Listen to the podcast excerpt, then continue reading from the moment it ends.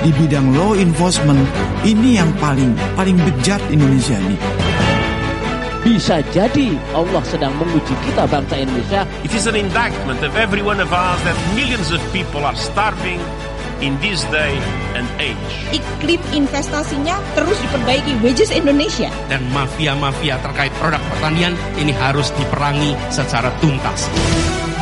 Info-info terkini dari dalam dan luar negeri politik. Seluruh lintang bukan informasi dari manusia politik, dari komunitas politik itu tidak ada kepastian. Ekonomi. Creating an economic activity yang luar biasa. Budaya. Sejarah Indonesia ini harus direvisi ulang. Kriminal.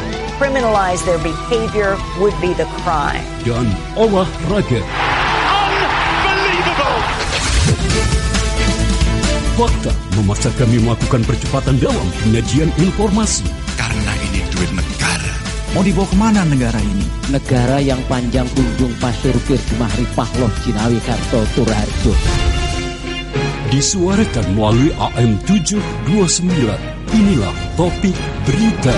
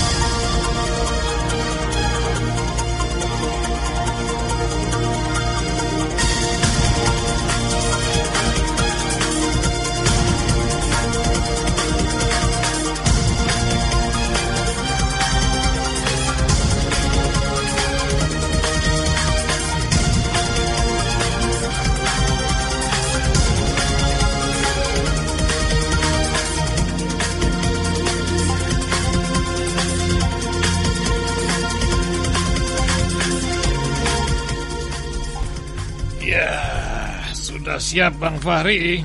Siap, kopi, kopi. Rabbi sahli sadri wa yassirli amri wahlul uqdatan min lisani yafqahu qawli. Bismillahirrahmanirrahim. Assalamualaikum warahmatullahi wabarakatuh. Para pendengar radio silaturahim di mana pun anda berada Apa kabar di pagi hari ini Dingin-dingin sedap ya Banyak hujan di berbagai tempat Ya salju masih turun di Amerika Kanada juga di berbagai tempat belahan dunia sebelah utara. Apa kabar pendengar radio di seluruh jagat raya pagi hari ini? Menemani Anda pagi hari ini Kami hingga pukul 9.30 menit nanti Dengan berbagai kisah-kisah dari dalam dan luar negeri. Apa kabar pendengar kami di Saudi Arabia juga di Kanada? Bagaimana dinginnya sedap-sedap di sana ya di United States of America juga pendengar setia kami di Singapura dan Malaysia. Pak Cik Pak Cik di sana apa kabar pagi ini? Kopi pagi sudah teh tarik ya oh ada nasi lemang pagi-pagi. Yang dalam perjalanan kami akan temani Anda hingga sampai ke kantor. Dan juga dengan kisah-kisah lainnya. Ada Ustadz Muhammad Joban akan mengabarkan berita dari langit. Uh, nampaknya di cuaca minus di Seattle, Amerika Serikat. Beliau telah mengirimkan sebuah rekaman baru-baru ini ya.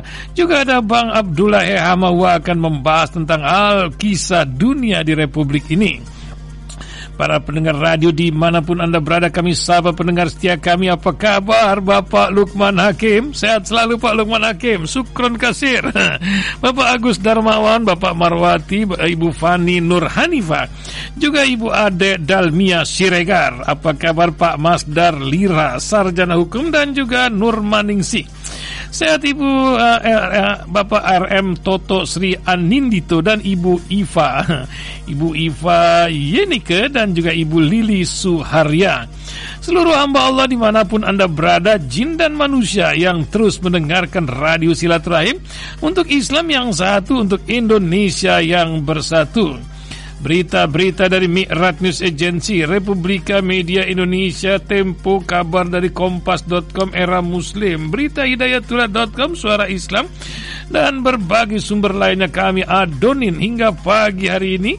30-an judul berita akan kami hidangkan ke ruang dengar Anda pagi hari ini. Kita mulai dari mana ini Alkisah berita-berita yang ada di meja redaksi pagi hari ini. Menemani Anda dengan berbagai kisah. Peneliti BRIN sarankan referendum terkait dengan pemindahan ibu kota negara. Begitu judul yang ditempel CNN Indonesia. Ya apa kabar di Megapon FM Aceh? Sehat yang ada di apa Batam? Gua dari Bukit Seladi terus berkumandang ke berbagai tempat di Kepulauan Riau termasuk ke Singapura. ya, sehat selalu pendengar di Jabodetabek hingga ke pesisir utara selatan Jawa Barat dari AM 729 kHz. Ya, berikut Sukabumi, apa kabar di pegunungan sana? Nampaknya hujan terus mengguyur di Sukabumi dari siang hingga malam hari ya. Apa kabar Latansa FM juga pendengar setia kami? Di Jawa Tengah hmm, Temanggung kita sapa Radio Angkasa 7 FM Wah apa kabar Bang? Sehat? Kita sapa juga di Prambanan. Bagaimana dari Piungan berkabar terus Suara Rasil AM di Yogyakarta dan sekitarnya. Di Banyuwangi ada suara Habibullah FM Menemani Anda di ujung pulau Jawa sana hingga ke Pulau Dewata. Semua radio-radio ini terus disupport dari pendengar semuanya yang menjalankan aset wakaf ini untuk kepentingan uap. Wakaf nih wakaf ya. Para pendengar kita mulai al ikhwal dari yang tadi ya tentang referendum. Apa pula ini ya kan sudah bikin masjid pula di sana. Al kisah akan ada suntik mundur dari cerita yang satu ini mundur. CNN mengabarkan Peneliti Pusat Riset Politik dan Badan Riset dan Inovasi Nasional BRIN Agus Rubianto Rahman menyarankan referendum terkait pemindahan ibu kota negara ke Kalimantan Timur. Menurutnya kebijakan yang menyangkut hajat hidup orang banyak perlu melibatkan partisipasi masyarakat. Tidak cukup hanya menggunakan undang-undang, apalagi ia berpendapat pembentukan undang-undang IKN sangat tidak partisipatif. Saya sarankan nanti harus ada referendum untuk menentukan kita pindah atau enggak. Jangan hanya kebijakan undang-undang saja, rakyat juga harus ikut bagaimana pendapat rakyat itu. Demikian Agus. Merujuk pada KBBI, referendum adalah penyerahan suatu masalah kepada orang banyak supaya mereka yang menentukan tidak diputuskan oleh rapat atau oleh parlemen. Agus lalu menyinggung soal pelaksanaan referendum di Timur Timur pada 1999. Menurutnya apa pun nanti hasil referendum bisa menjadi acuan apakah pemindahan jadi dilakukan. Sebelumnya pemerintah dan DPR sepakat memindahkan ibu kota negara ke IKN Nusantara. Keputusan itu diwujudkan dalam Undang-Undang IKN yang resmi pada 18 Januari 2022. Saat ini Jakarta masih menjadi ibu kota negara selama pembangunan IKN dibangun. Pemerintah memproyeksikan pemindahan ibu kota negara dimulai pada 2024 dan berakhir pada 2045. Waduh, referendum ya. Apakah ini akan uh, sekalian dengan kembali kepada Undang-Undang Dasar? Wallahu a'lam bisawab. Ntar kita tanya dengan Bang Dula ya. Ya kita terus sampaikan stok beras, cing, import lagi, importnya. Hmm. Ya beginilah Zulhad buru-buru import beras. Nah ini kalau udah kerjaan buru-buru ini kerjaan siapa itu? Nah itu apa negara tahu lah kerjaan buru-buru itu ya. CNBC mengabarkan sebagai berikut. Stok beras RI defisit 2,8 juta ton. Zulhad buru-buru import segini. Bagaimana? Presiden Joko Widodo menggelar rapat terbatas dengan beberapa menteri dan kepala lembaga terkait stabilitas harga pangan hingga persiapan jelang lebaran di Istana Presiden Kamis kemarin.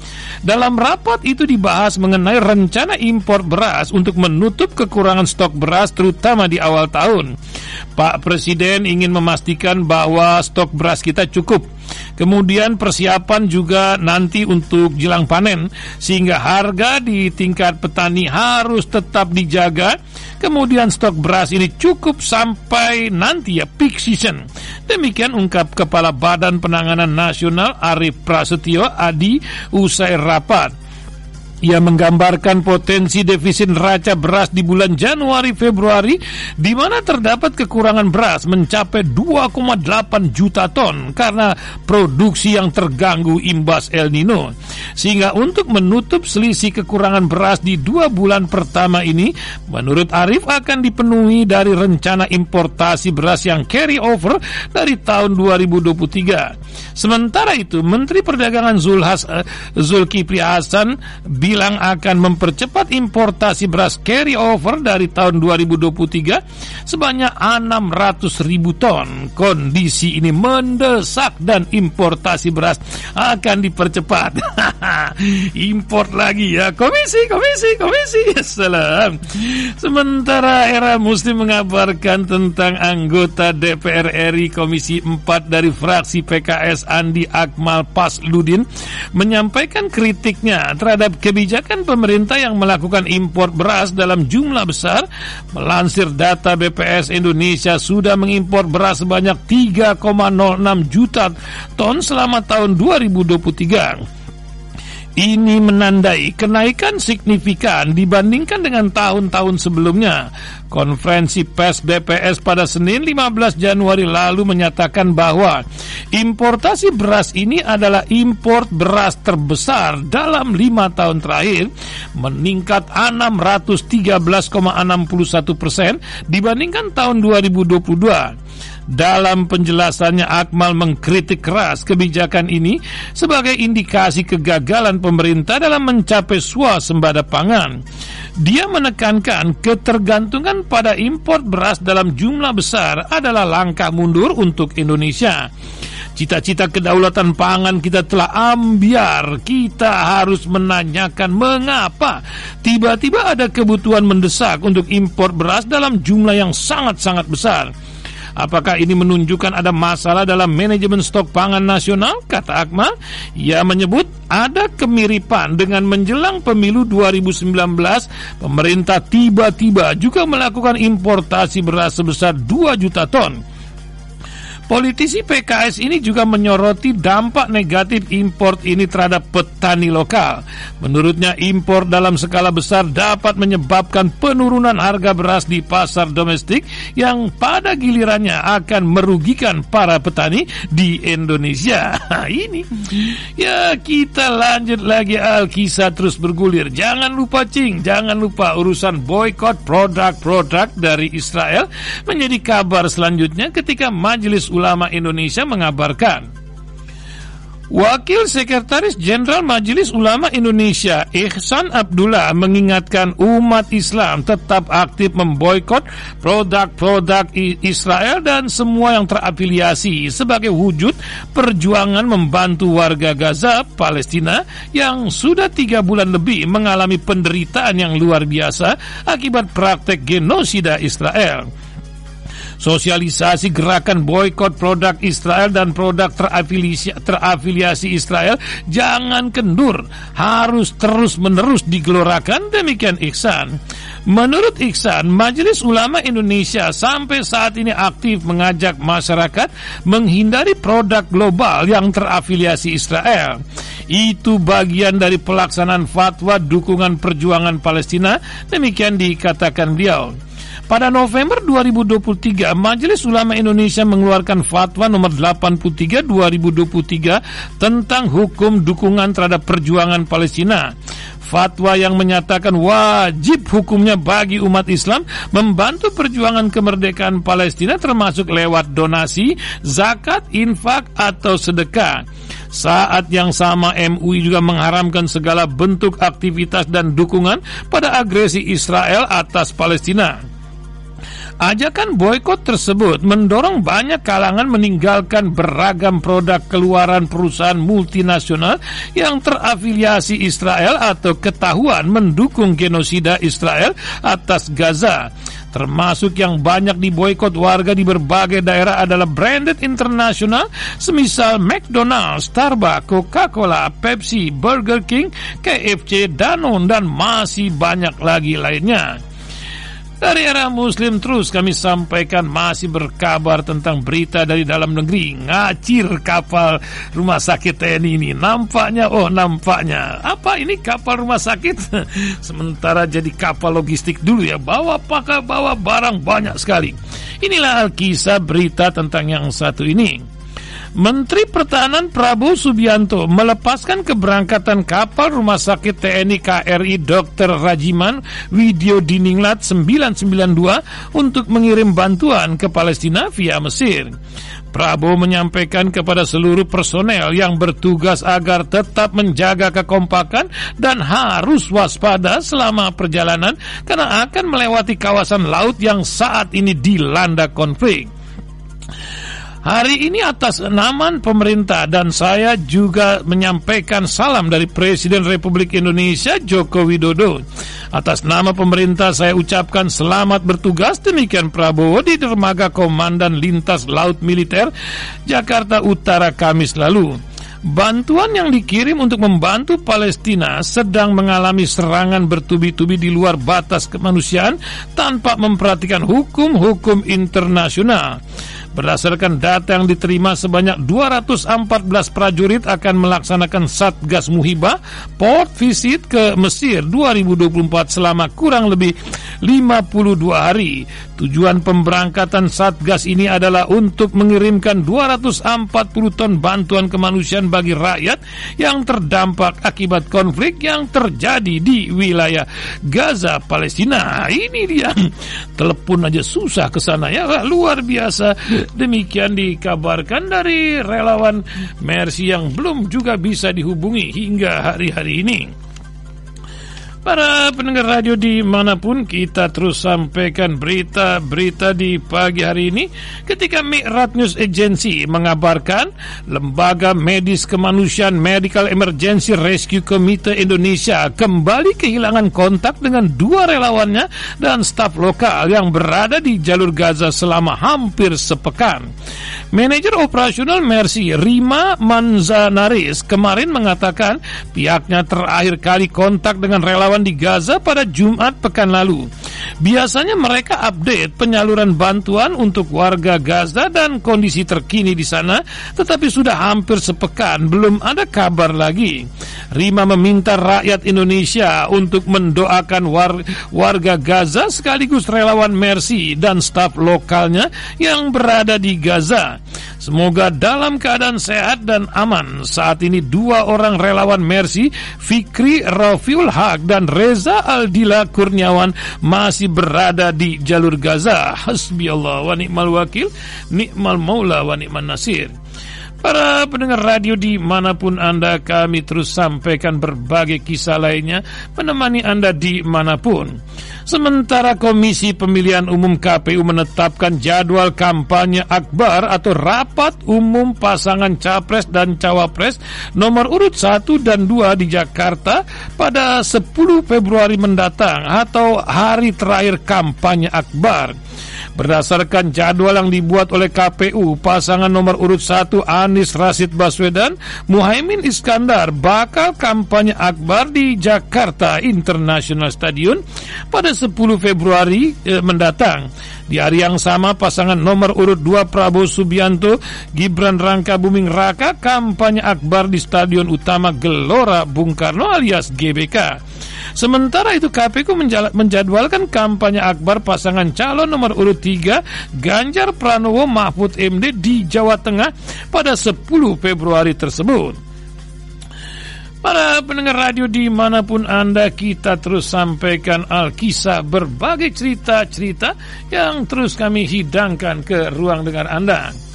Sementara Prabowo ingin naikkan upah pejabat demi cegah korupsi, ICW mengatakan koruptor bukan orang miskin, Tempo.co. Sementara kabar sebelum itu kami angkat dulu berita tentang guru besar UGM. An mengatakan Anies Muhaimin berpeluang menyodok Prabowo Gibran terprosok. Demikian dari Yogyakarta disampaikan. Sejumlah lembaga survei masih menempatkan elektabilitas Prabowo Gibran sebagai peringkat pertama, namun posisinya sangat rawan turun. Sedangkan Anies Muhaimin terus tren tren terus naik yang kini berada di urutan kedua dan Ganjar Mahfud di posisi ketiga. Guru Besar UGM Yogyakarta, Profesor Dr. Indra Bastian MBA mengambil contoh dari hasil dua lembaga survei yakni LKPI Starpol dan Indonesia Political Opinion IPO. Dua lembaga survei ini menempatkan Prabowo Gibran peringkat pertama. Anies Mohaimin runner up dan ketiga ditempati oleh Ganjar Mahfud. Berdasarkan temuan terbaru LKPI Starpol, survei ini menemukan adanya persaingan ketat antara Anies Muhaimin 33,2 persen, sedangkan Prabowo Gibran 35,5 persen. Sementara elektabilitas Ganjar Mahfud relatif tertinggal di 16,8 persen. Survei LKPI Starpol ini dilaksanakan pada 20 Desember hingga 4 Januari 2024 dengan wawancara 2.500 orang yang berusia 17 tahun ke atas atau sudah menikah.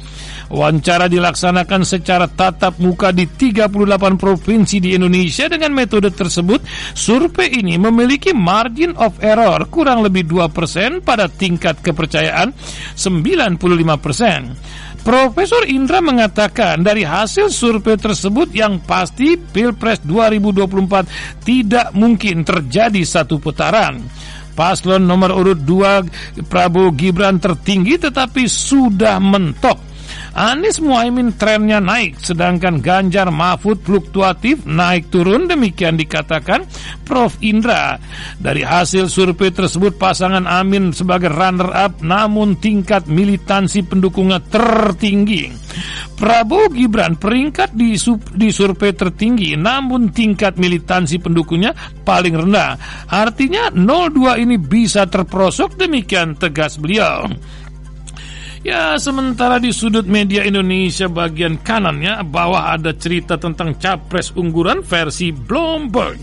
Survei yang dilakukan Januari lalu berjumlah dari responden 17 orang yang merupakan ekonom dan analisis pasar di Indonesia.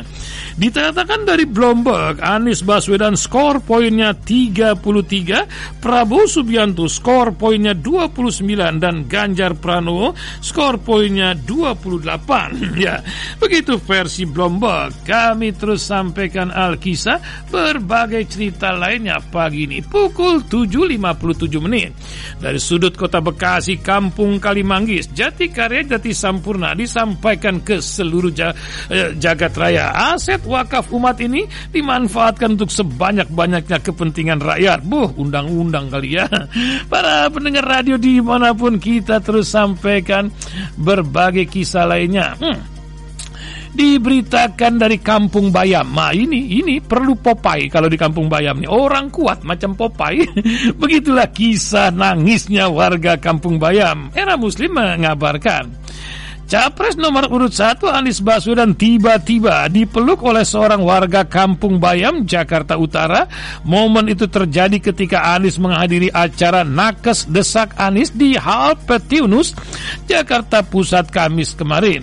Pantauan suara.com di lokasi Anies saat itu tengah berdiri di depan sebuah food truck lalu dihampiri oleh sejumlah warga kampung Bayam. Tiba-tiba seorang pria berbaju putih memeluk Anies sembari menangis terseduh-seduh. Tangisan itu diikuti oleh beberapa orang yang berada di sekitarnya. Kepada Anies, pria tersebut mempertanyakan nasibnya sebab ia mengaku sampai sekarang belum bisa menempati rumah susun atau rusun di kampung Bayam. Pak Anies, kami gimana? Belum ada kepastian tempat tinggal. Demikian ucap pria tersebut. Anies lalu menenangkan pria tersebut. Ia berjanji akan membereskan urusan di kampung Bayam. Ya udah nanti, nanti kita beresin bersama. Bismillah ya, sabar dulu ya. Beberapa bulan lagi. Demikian dikatakan Anies dengan optimis. Masya Allah. Kita lanjut lagi Alkisah curhat lainnya. Kali ini dari ujung timur sana. Ya salam.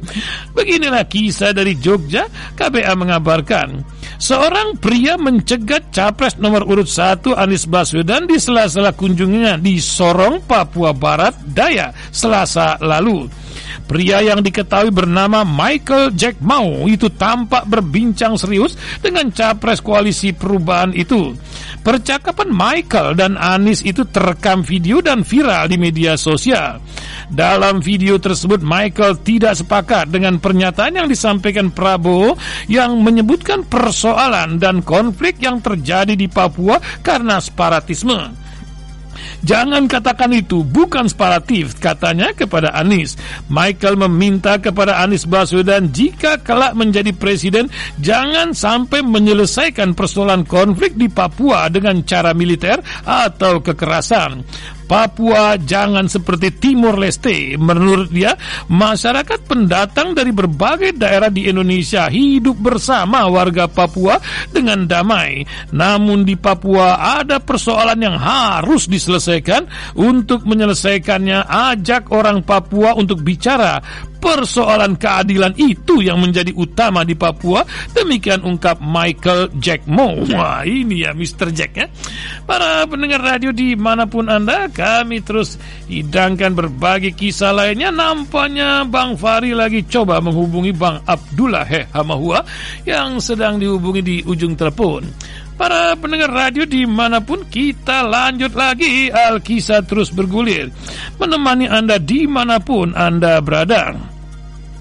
Para pendengar radio di mana pun Hang Heng Hong urusan pengunduran diri menteri nampaknya menjadi berita panas di beberapa hari ini Ketika diberitakan Menteri Keuangan Sri Mulyani Indrawati dan sejumlah menteri dikabarkan siap mundur dari Kabinet Indonesia Maju. Isu tersebut mencuat lantaran Presiden Jokowi disebut-sebut tidak netral dalam pemilihan presiden demikian Detik News mengabarkan. Diberitakan, diberitakan dari Detik Finance, ekonom senior Faisal Basri mengaku mengajak sejumlah menteri mundur karena sikap Jokowi yang terkesan berpihak kepada pasangan capres-cawapres nomor urut 02, Prabowo Subianto Gibran Rangka Buming Raka. Ia mengklaim yang paling siap mundur adalah Sri Mulyani serta Menteri Pekerjaan Umum dan Perumahan Rakyat Basuki Hadi Mulyo. Saya ngobrol-ngobrol kan dengan petinggi-petinggi partai dan macam-macam nah. Nah muncul katanya yang paling siap eh, yang paling siap itu Ibu Sri Mulyani dan Pak Basuki juga dalam kaitannya dengan Gibran ini ya karena ini sudah beyond akal sehat begitu kata Faisal Basri dalam program Closing Bell CNBC Indonesia yang dikutip pada Kamis kemarin. ya begitulah panjang ini beritanya. Coba telepon Pak Faisal nanti ya setelah Bang Abdullah Abdullah. Para pendengar radio nampaknya kita telah terhubung dengan Bang Abdullah He Hamahua menemani Anda ke depan. Nah, sudah terhubung Bang Fari? Hmm, sudah ya. Nah, Assalamualaikum Bang Dula, apa kabar? Halo? Halo? Ah, halo? Halo, halo Bandung? Ya nampaknya belum bisa terhubung ya Kita lihat lagi sebentar lagi Sementara kami bacakan berita-berita selanjutnya hmm. Ketika Tempo.com mengabarkan Koordinator Indonesia Corruption Watch alias ICW Agus Sumaryato mempertanyakan komitmen calon presiden nomor urut 2 Prabowo Subianto dalam pemberantasan korupsi dengan menjamin kualitas hidup dan menaikkan gaji pejabat yang memegang anggaran besar.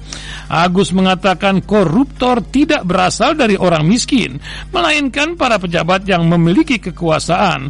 Paslon 02 ini selalu menjanjikan kesejahteraan. Itu bagus. Tapi pertanyaannya apakah para koruptor itu orang miskin? Mereka punya jabatan, mereka punya kuasa, tapi menyalahgunakan jabatan dan kuasanya untuk memperkaya diri, keluarga, dan kroninya, serta mempertahankan kekuasaannya. Demikian Agus. Ia mengatakan yang menjadi komitmen Prabowo dalam pemberantasan korupsi dengan cara memperkaya pejabat mesti diakurasi lagi dengan Undang-Undang Nomor 5 2014. Menurut dia seharusnya negara memberikan penghargaan kepada aparatur sipil negara tidak hanya ASN, para pemegang tanggung jawab yang besar juga dipastikan diberikan hadiah atau tunjangan dari negara sesuai dengan tanggung jawabnya. Artinya, kalau ada pegawai atau pejabat pemegang tanggung jawab anggaran besar, pastinya juga diberikan reward atau tunjangan yang sesuai dengan tanggung jawabnya. Demikian diberitakan pagi ini. Ya nampaknya masih terputus hubungan kami dengan Bang Dula. Bang Fari lagi masih coba menghubungi Bang Abdullah ya Hua. Nampaknya sedang di luar kota atau di mana?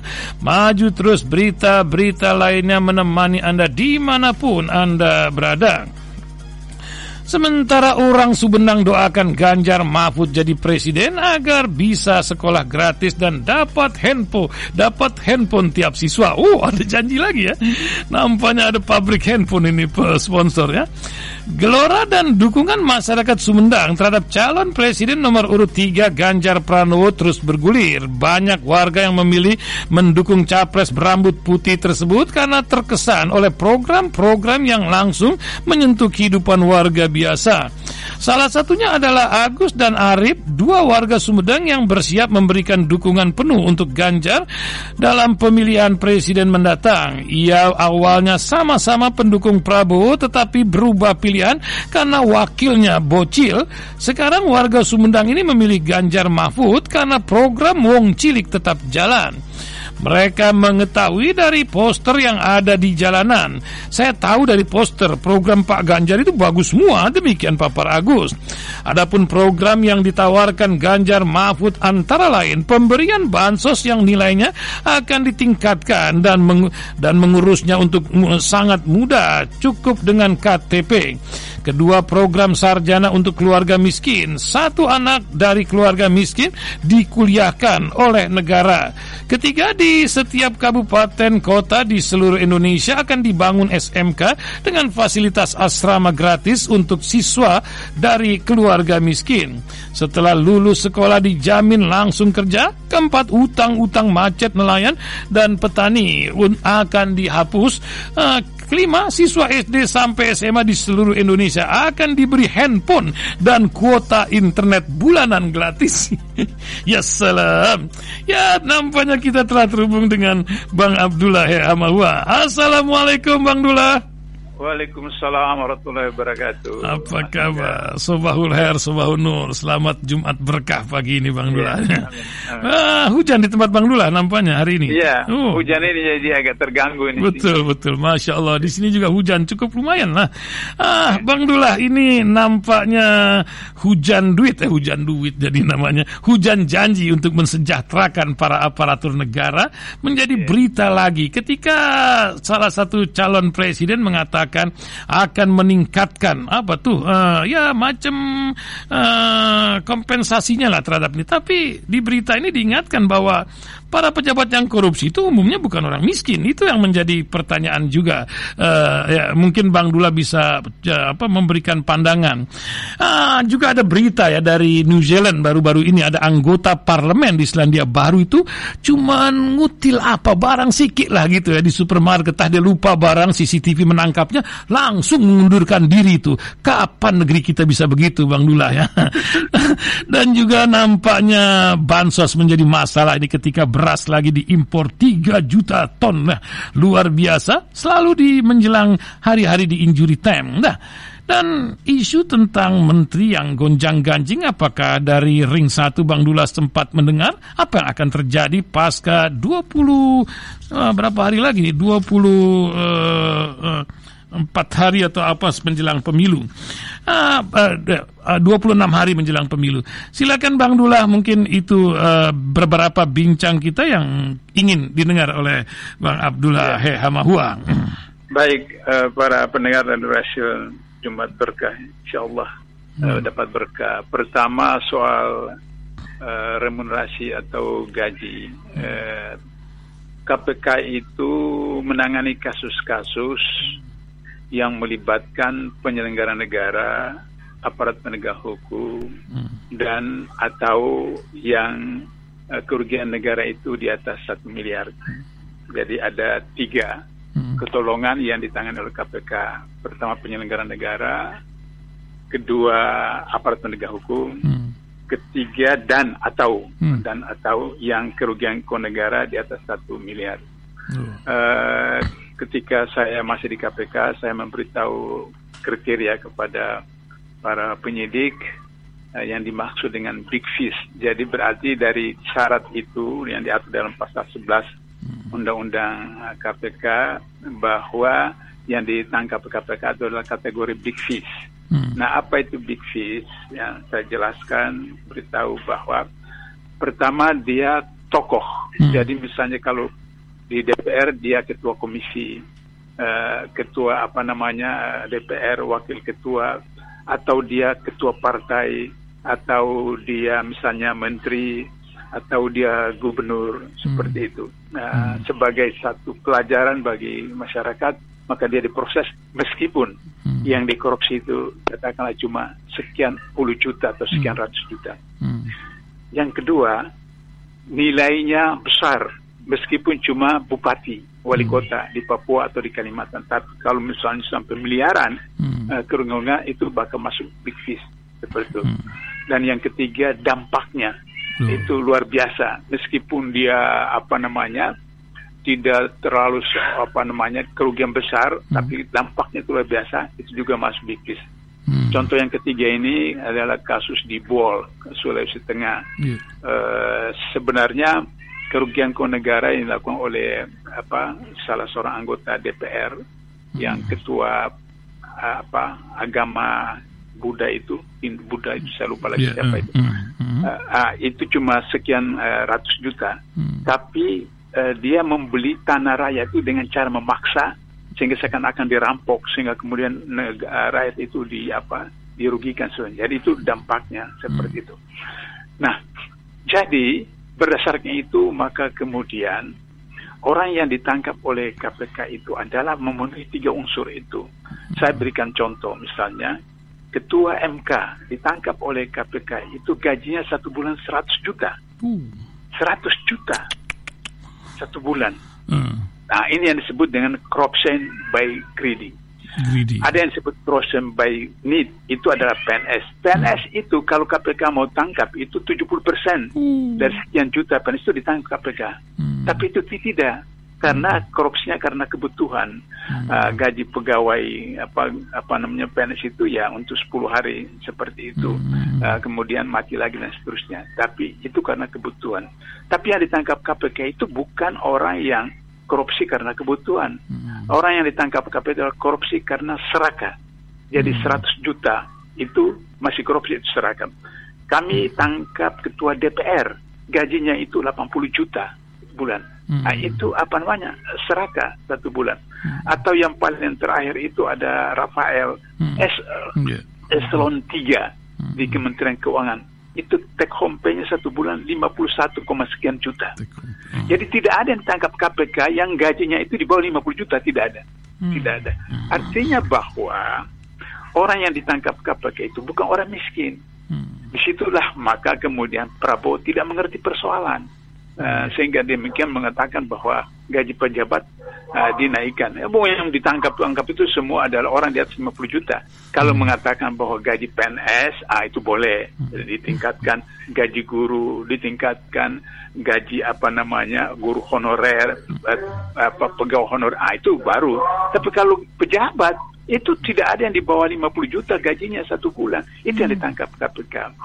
Itu itu satu. Oleh karena itu maka dalam salah satu buku saya saya katakan bahwa yang penting itu bukan nominal yeah. dari gaji itu tapi gaji itu mensejahterakan menyejahterakan. Jadi sejahtera prinsipnya.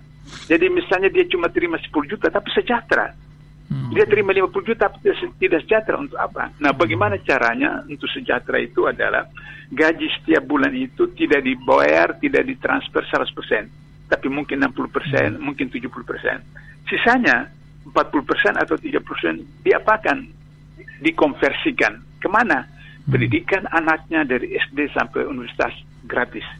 Pengobatan di dirinya, keluarganya dan semuanya itu itu gratis tanpa BPJS seperti itu. Nah sehingga dengan begitu maka dia sejahtera seperti itu. Itu persoalan apa namanya soal soal gaji seperti itu. saya empat tahun Mas Angga sebagai apa namanya uh, wakil ketua KPKPN uh, yang apa namanya memeriksa kekayaan penyelenggara negara. Jadi saya tahu betul berapa gaji eselon satu, eselon eselon dua dan seterusnya seperti itu. Iya. Itu yang pertama. Yang kedua, uh, yang kedua masalah uh, anggota DPR Parlemen uh, Sri Lanka. Hmm. Ya, uh, ini New Zealand, New Zealand. Eh, New Zealand. New Zealand, Selandia Baru. Ini etika masalah. Ya, itu. ya, Hmm, New Zealand, Selandia. Baru. Hmm. Jadi eh, saya sudah pernah kemukakan beberapa waktu yang lalu Hmm. bahwa seorang menteri keuangan Jepang sekitar lima tahun yang lalu dia makan di restoran mewah. Hmm. Dia bayar dengan uang sendiri dari gaji. Tapi kemudian ketika diketahui oleh wartawan bahwa seorang menteri itu makan di restoran mewah, itu merupakan satu cerminan daripada tidak aware, tidak peduli kepada rakyat kecil seperti itu. Maka kemudian dibully di medsos dan seterusnya, maka dia mengundurkan diri. Jadi artinya bahwa eh, perilaku seseorang itu menunjukkan tentang bagaimana keterwakilan dirinya terhadap masyarakat sekitarnya. Sehingga begitu maka kalau uh, apa namanya Menteri New Zealand seperti itu. Karena mungkin dia tidak tahu apa sebabnya sehingga kemudian dianggap kutil itu apakah dia lupa atau apa atau bisa juga karena ada orang yang punya penyakit dari kecil Iya, seperti betul, begitu betul. nah seperti itu Hmm. nah itu mungkin psikolog yang beritu tapi sebagai seorang pejabat publik itu sesuatu bagi negara modern itu sesuatu yang eh, tidak baik sehingga kemudian menyatakan mengundurkan diri nah Hmm. di Indonesia Hmm. itu ada pada zaman sebelum Orde Lama Uh. Orde Lama Ah, itu, Itu ada budaya itu, budaya itu ada gitu. Hmm. Ah, ada Hmm. ah, sebelum Orde Lama beberapa tahun setelah kemerdekaan. Hmm. Bung Hatta itu sampai meninggal tidak bisa memiliki sepatu idamannya, Hmm. Ya. padahal dia wakil presiden. Betul. Kenapa? Karena dia tidak bisa atau tidak mau menggunakan jabatannya untuk membeli sesuatu bagi diri pribadinya sampai meninggal tidak membeli sepatu itu. Nah, seperti itu. Atau misalnya eh, kemudian ketika perdebatan beliau dengan Soekarno tentang prioritas pembangunan nasional, beliau ingin prioritas pembangunan nasional adalah pendidikan, sedangkan Soekarno menginginkan politik. Perdebatan akhirnya kemudian merasa tidak cocok mengundurkan diri. Iya. Itu Bung Hatta. Ah. Begitu juga misalnya apa Pak Nasir perdana menteri eh, pertama NKRI merasa tidak cocok dengan eh, Soekarno dalam soal eh, mer- menyiapkan eh, rancangan undang-undang pemerintahan daerah kemudian eh, eh, Pak Nasir mengundurkan diri dan Ya. eh, pada beberapa waktu apa apa, pejabat-pejabat waktu itu seperti demikian. Hmm. Nah sekarang ini eh, karena sistem kita itu sudah dipengaruhi oleh apa namanya kehidupan yang apa namanya Hedonis. eh, kapitalistik Iya, kemudian hedonis, ya. hedonis maka semua itu dinilai daripada rupiah Iya. ukuran dolar dan sebagainya seperti itu. Ngomong-ngomong, Nah. Bang Dula, tentang Ya. pengunduran diri isu eh, menteri-menteri ini, apakah ini sebuah isapan jempol atau apa yang terjadi sedang mencari momentum di tengah injury time nih 26 hari menjelang pemilu ini? Kalau zaman Orde Baru itu fakta. Hmm. Kenapa pada waktu zaman Orde Baru itu bahwa Hmm. para menteri itu sudah menyadari tentang Hmm. eh, kesalahan mereka, kemudian eh, anggota DPR MPR kesalahan mereka Hmm. eh, berulang-ulang memilih Soeharto dengan Soeharto kebijakannya di bidang politik, ekonomi dan seterusnya. Kemudian mereka kemudian menyatakan diri eh, apa namanya 19 orang kalau tidak salah Hmm. Nah, kabinet waktu Soeharto mengundurkan diri. Nah, kenapa? Karena mereka orang-orang yang tidak terlalu bermasalah dengan masyarakat, dan kemudian mereka juga tidak punya persoalan yang serius dengan uh, penegak hukum seperti itu. Kalau hari ini yang biasa saya katakan, mereka ini semua adalah statusnya ada rawat jalan. Apakah rawat jalan di KPK, rawat jalan di kejaksaan, atau rawat jalan di kepolisian, sehingga dengan begitu maka uh, dari hati kecilnya uh, seperti Sri Mulyani uh, mungkin mau mengundurkan diri atau yang lain. Tapi kan semua dalam status rawat jalan. Kenapa Sri Mulyani itu mau jadi Menteri Keuangan dari eh, Jokowi dua periode? Karena diminta oleh Jokowi untuk kembali dari Amerika, Amerika. dari World Bank seperti itu. Sementara Sri Mulyani punya kasus ketika Menteri Keuangan waktu SP kasus Bank Senturi. Sehingga dengan begitu maka beliau bilang oke saya jadi Menteri Keuangan Pak Jokowi syaratnya tidak diungkit-ungkit lagi kasus saya seperti itu. Jadi itu juga persoalan tersandra. Begitu juga apa menteri-menteri yang lain juga tersandra sama eh, Jokowi dan mereka saya menyandra. Kalau misalnya eh, PDP menyatakan mau misalnya apa mem- mem- memakzulkan Jokowi, buktikan dong mereka punya tujuh enam atau tujuh menteri di kabinet. Tapi itu tidak bisa karena mereka juga tersandra oleh oleh Jokowi. Kalau begitu dilakukan maka kemudian kasus BLBI yang melibatkan Megawati akan dibuka oleh apa namanya eh, Jokowi atau kemudian Harun Masiku yang orang PDP itu diproses untuk ditangkap ada seperti itu. Jadi eh, saya anggap bahwa itu adalah apa namanya hal-hal yang berkaitan dengan tahun politik sehingga itu akan menjadi gimmick untuk kemudian menarik perhatian dari masyarakat untuk kemudian supaya mendapat simpati masyarakat menjelang tahun pemilu. Jadi saya kira ya, itu apa namanya cuma gimmick politik. Kalau itu betul ada, oh itu eh, bagus sekali. Seperti tapi kan eh, itu harus eh, dilakukan sebelum eh, tanggal 14 Februari. Kalau eh, tidak kan tidak ada gunanya seperti itu. Itu soal isu menteri-menteri Isu, mengundurkan diri. Tambah cie boleh bang Dula Iya. tentang ini ada berita nih BRIN ini kan BRIN lembaga peneliti nasional ini Iya. di Lipila dulu Iya. ya Me- apa, pemikirannya tuh menyarankan referendum terkait pemindahan ibu kota negara. Kan sudah ada undang-undangnya. Nah ini sebuah ide referendum tuh ada juga yang mengatakan ini di, dikaitkan dengan yang lain ya karena bangsa ini melenceng daripada pondasi dari apa ya eh, dasen atau asal usul pemikiran bangsa ini. Ah apakah mungkin dengan rep- eh, dengan referendum negeri ini eh, pernahkah terjadi gitu? Yang pertama di dalam Undang-Undang Dasar 45 ada klausul referendum. Hmm. Dalam Undang Dasar 2002 itu tidak ada referendum. Oh. Jadi referendum itu sudah dicabut pada Undang-Undang Dasar 2002. Kalau Undang Dasar 45 itu ada referendum. Hmm. Nah, sedangkan 2002 tidak, Tidak ada ada. referendum lagi Hmm. seperti itu. Hmm. Nah, kalau itu mau dilakukan maka harus melalui putusan DPR menggunakan hak angket kepada Hmm. presiden baru seperti itu. Panjang. Kalau pemazulan eh, DPR harus setuju dalam pleno Hmm. untuk pemazulan dibawa ke MK, MK sidangkan kalau sudah setuju MK Balik baru lagi. dibawa ke MPR, MPR putuskan seperti itu. Hmm. Nah, jadi itu persoalan pemazulan yang diatur oleh Undang Dasar 45 dan Undang Dasar 2002 seperti itu. Nah, eh, kenapa soal ikan seperti itu? Karena IKN itu adalah satu proses bisnis, Hmm. bukan persoalan eh, ketatanegaraan. Kenapa? Karena kita sedang dalam kondisi COVID-19. Kita utang yang luar biasa. Ekonomi lagi masalah.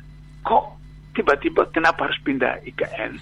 yang itu bukan sesuatu yang mendesak.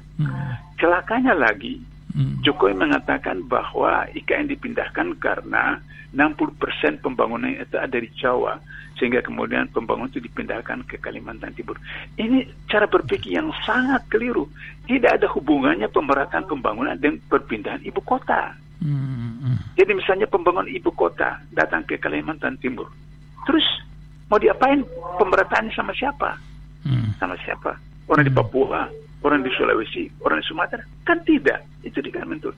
Karena itu benar kalau misalnya Capres 01 mengatakan akan membangun sekian puluh kota seperti Jakarta di sekian provinsi. Itu benar. Itu namanya pemerataan. Sehingga demikian di kabupaten mereka bangun kemudian tidak lagi kota provinsi. Nah, atau di provinsi dibangun, mereka tidak lagi ke Jakarta seperti itu. Hmm. Jadi tidak ada kaitannya antara pemerataan pembangunan dengan pemindahan ibu kota seperti itu. Sehingga undang-undang itu dipaksakan oleh oligarki, hmm. tidak memenuhi persyaratan harus ada apa namanya uji publik, harus ada penelitian dan seterusnya dan seterusnya seperti itu. Itu tidak dilakukan. Hmm. Kenapa? Karena oligarki eh, hmm. tanah di Kalimantan Timur itu salah satu capres Prabowo itu kan punya 340 ribu hektar hmm. punya tanah sana. Kemudian apa namanya sembilan naga. Jadi soal soal bisnis seperti itu. Nah sampai sekarang itu kan eh, baru cuma sekian persen yang dibangun dan kemudian masih eh, Jokowi kampanye untuk apa namanya dalam teori manajemen hmm. yang benar bahwa disebutnya planning. Hmm. Semua ilmu ilmu modern di kampung mana pun di dunia itu dimulai dengan planning. Artinya planning itu sudah diperencanakan hmm. bagaimana anggarannya, bagaimana pelaksananya, bagaimana kontrolnya sampai bagaimana finishing. Hmm. Oh ini sudah dua tahun sekian lama ini masih baru mau kampanye dapat investor. Berarti planningnya tidak betul seperti hmm. karena dipaksa oleh oligarki seperti itu. Jadi oleh karena itu maka eh, benar kalau misalnya Anies mengatakan kalau mereka terpilih apa namanya uh, tidak hmm. diteruskan tapi hmm. kemudian dibangun iya. kota-kota di lain di provinsi lain supaya kemudian tumbuh apa ekonomi pusat ekonomi baru di masing-masing provinsi sehingga kemudian terjadi pemerataan seperti itu hmm. itu ya tentang KPK uh, Bang Dullah dengan paku ya. integritas kemarin tuh saya jadi ingat ada 93 pegawai KPK yang disidang etik oleh Dewas baru-baru ini. Sementara ya. 75 penyidik terbaik KPK dipaksa untuk tes wawasan kebangsaan sampai stempel radikal. Apa yang terjadi dan apakah uh, apa ya? Dengan semangat baru ini yang ketua KPK yeah. baru ini bisa me melakukan sebuah uh, kickback kembali kepada asal KPK atau bagaimana Bang Dula? Uh, Mas Isan baca nggak artikel saya kemarin? Oh iya iya sedikit. Eh, gimana Bang Dula? Hmm. Saya oh saya nggak kirim. Belum belum kirim ke saya belum. Ya hmm. jadi setelah uh, apa namanya acara paku integritas, integritas huh? di KPK itu, terus kemarin saya buat uh, hmm. artikel hmm. judulnya ada ke pantaskah KPK yang sekarang bicara integritas? Hmm. Nah, gitu. Nah, oh, yeah. jadi jadi eh, mereka bicara integritas. Hmm. Sementara komisioner KPK semua semua tidak berintegritas. Hmm. Coba ketua KPK ditangkap. Hmm. Kemudian wakil-wakil ketua itu terlibat. Hmm. Uh, kan lucu, hmm. ketua KPK terlibat dengan kasus Kementerian Pertanian. Pertanian. Lantas kemudian sekian dari tahun 2021 sampai 2003 berarti dua tahun. Masa tidak ada mimpi yang lain uh, uh, tidak tahu? Hmm. Saya 8 tahun di KPK dalam sebagai penasihat, semua saya tahu karena informasi rapat rutin hmm. uh, setiap pekan rapat pimpinan. Jadi tidak mungkin selama tiga tahun itu atau dua tahun lebih itu pimpinan KPK yang lain tidak tahu bahwa hmm. Firly bermain seperti itu. Nah, sehingga dengan begitu maka saya biasa katakan mana-mana uh, Nawawi, hmm. PLT Ketua KPK sekarang ini adalah komisioner KPK yang paling kecil dosanya dari lima orang itu, yang paling kecil dosanya. Hmm. Hmm. Yang paling kecil dosanya adalah karena dia tahu dia dia protes tapi tidak berani protes. Dia curhat kepada pegawai KPK. Hmm. Jadi pegawai-pegawai KPK itu apa namanya mengatakan loh, ini kok kita yang dicurhati sama pimpinan seperti itu. Hmm. Nah seperti itu. Nah oleh karena itu maka kemudian eh, forum kemarin itu kan seharusnya tiga capres itu yang mempresentasikan program mereka, kegiatan mereka dan seterusnya. Kemudian ada diskusi, ada debat, wartawan bertanya dan seterusnya. Sehingga kemudian bisa tahu. Tapi kemudian justru digunakan oleh pimpinan KPK untuk kampanye. Hmm. Seakan-akan bahwa mereka-mereka uh, ini yang harus seperti anak-anak SD, SMP, SMA di kampanye.